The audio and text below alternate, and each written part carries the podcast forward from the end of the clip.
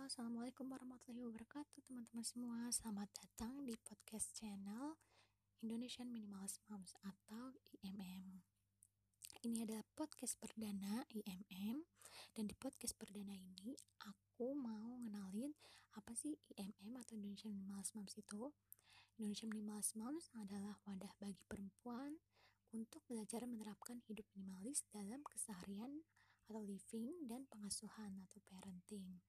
Nah, meskipun ada ngebahas tentang parenting, tapi terbuka banget loh buat kalian selama kalian ada perempuan, meskipun itu single ataupun bride to atau baru menikah, sangat welcome banget kita untuk kalian gabung di Indonesian Minimalist Moms. Oke, setelah tadi aku kasih tahu apa sih Indonesian Minimalist Moms, sekarang aku mau kasih tahu juga nih sejarah berdirinya, why dan untuk apa IMM ini berdiri. Jadi semuanya bermula ketika aku mulai menerapkan hidup minimalis.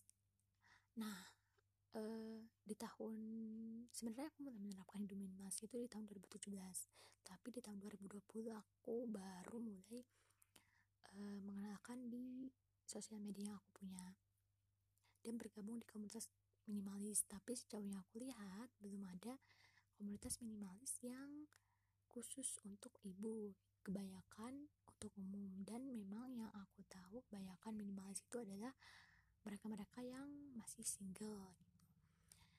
Yang ibaratnya masih mengurusi dirinya sendiri belum mengurusi suami atau bahkan anak-anak. Nah aku pun mulai mencari nih. Ada gak sih komunitas minimalis moms di Indonesia? Setelah aku mencari ternyata belum ada. Akhirnya aku bergabung di minimalis moms sedunia Sampai beberapa bulan, barulah aku terfikirkan dan mantap untuk menginisiasi Indonesian Minimalist Moms. Tepatnya di bulan Januari, perdana uh, eh, IMM itu di launching. Nah, IMM sendiri itu punya misi dan visi untuk mengedukasi dan mengajak para moms menerapkan hidup minimalis dalam keseharian sebagai seorang personal atau seorang individu dan juga anggota masyarakat. Juga untuk uh, juga sebagai istri untuk yang udah menikah. Gak cuman minimalis dalam living atau keseharian tapi juga minimalis dalam pengasuhan atau parenting. Uh, kita mengedukasi para moms bagaimana sih menerapkan minimalis itu dalam pengasuhan sebagai ibu atau orang tua Nah, untuk moms yang ingin bergabung bisa follow Instagram kita @minimalsmoms.id. Kita juga ada Telegram grupnya. Buat moms yang pengen join bisa langsung DM kita ya. Oke, mungkin itu perkenalan singkat tentang Minimalis Moms atau Indonesia Minimalis Moms. Kita akan berjumpa kembali di podcast-podcast selanjutnya. Sampai jumpa mams. Wassalamualaikum warahmatullahi wabarakatuh. Hai moms. Hidup minimalis emang identik dengan owning less. Artinya, kita cuma punya barang yang benar-benar dibutuhkan.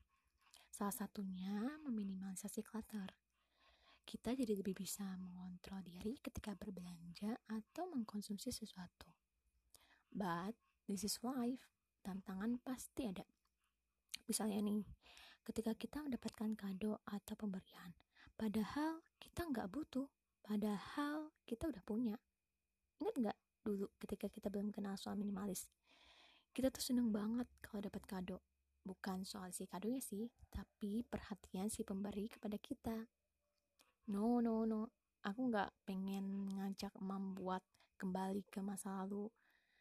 Tapi Jangan sampai dengan menjadi minimalis, keluhan adalah kata-kata yang pertama kita keluarkan ketika mendapat pemberian. Aduh, nambah-nambah barang aja. Aduh, aku kan gak butuh ini. Jangan, jangan ya mams. Kita gak tahu apa yang udah dia korbanin buat pemberian itu. Bisa jadi gak hanya soal materi. Bisa jadi pemberian itu didapatkan dengan sangat susah payah. Menjadi minimalis jangan sampai melenyapkan kebahagiaan dan kesyukuran kita terhadap pemberian orang lain. Coba tarik nafas.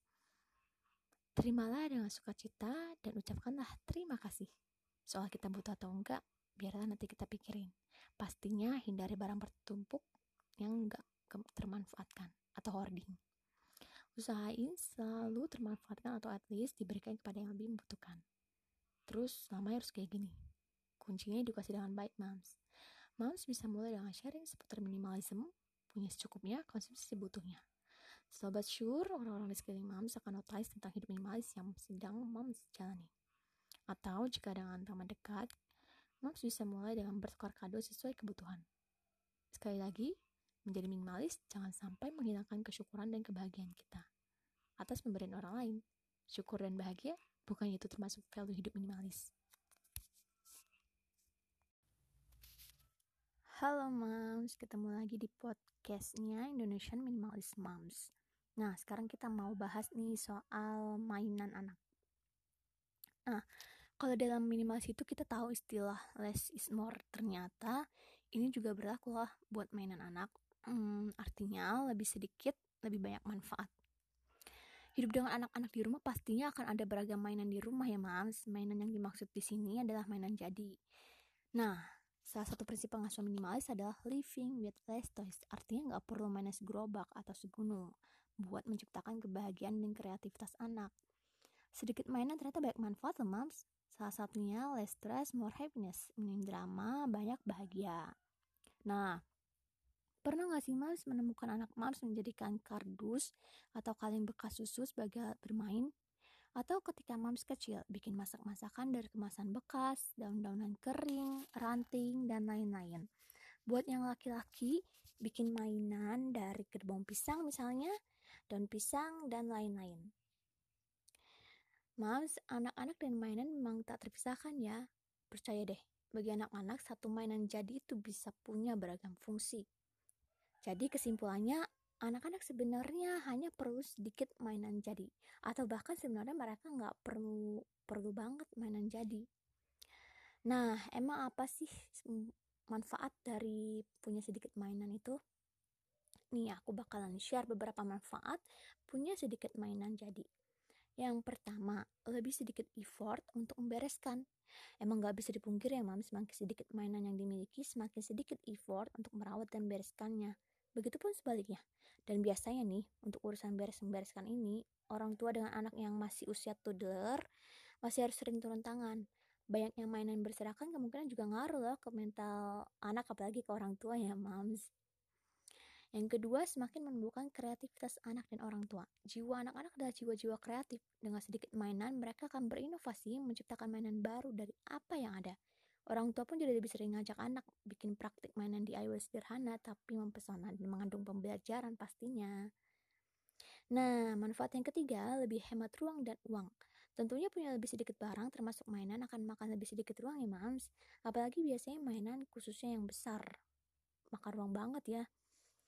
Nah untuk hemat uang ini sebenarnya sih bisa dibilang bonus aja karena anak terbiasa hidup dengan sedikit mainan. Jadi nggak suka tuh minta beli ini itu. Yang keempat, lebih menghargai dan merawat. Jumlah terbatas mainan yang mereka miliki akan buat anak lebih menghargainya. Dia pun akan lebih notice kalau ada mainan yang rusak atau bahkan hilang. Jangan lupa juga mams untuk ngajarin anak tentang sadar rasa kepemilikan supaya dia bisa merawat mainannya dengan baik, bukan agar terus melekat dan tak mau terpisahkan loh ya. Nah, ini yang terakhir. Manfaat punya sedikit mainan, punya secukupnya dan tidak impulsif membeli mainan. Dengan terbiasa punya sedikit mainan, jangan lupa untuk mengedukasi anak untuk punya mainan secukupnya aja. Selain itu, ajarkan juga anak untuk membeli mainan hanya ketika butuh. Ups, jangan lupa kalau main ke supermarket bikin kesepakatan sama anak ya, Mams. Nah, nah, terus kalau udah terlanjur banyak gimana dong? Decluttering, gimana langkahnya? Simak di podcast kami berikutnya ya, Mams. Sampai jumpa, semoga bermanfaat.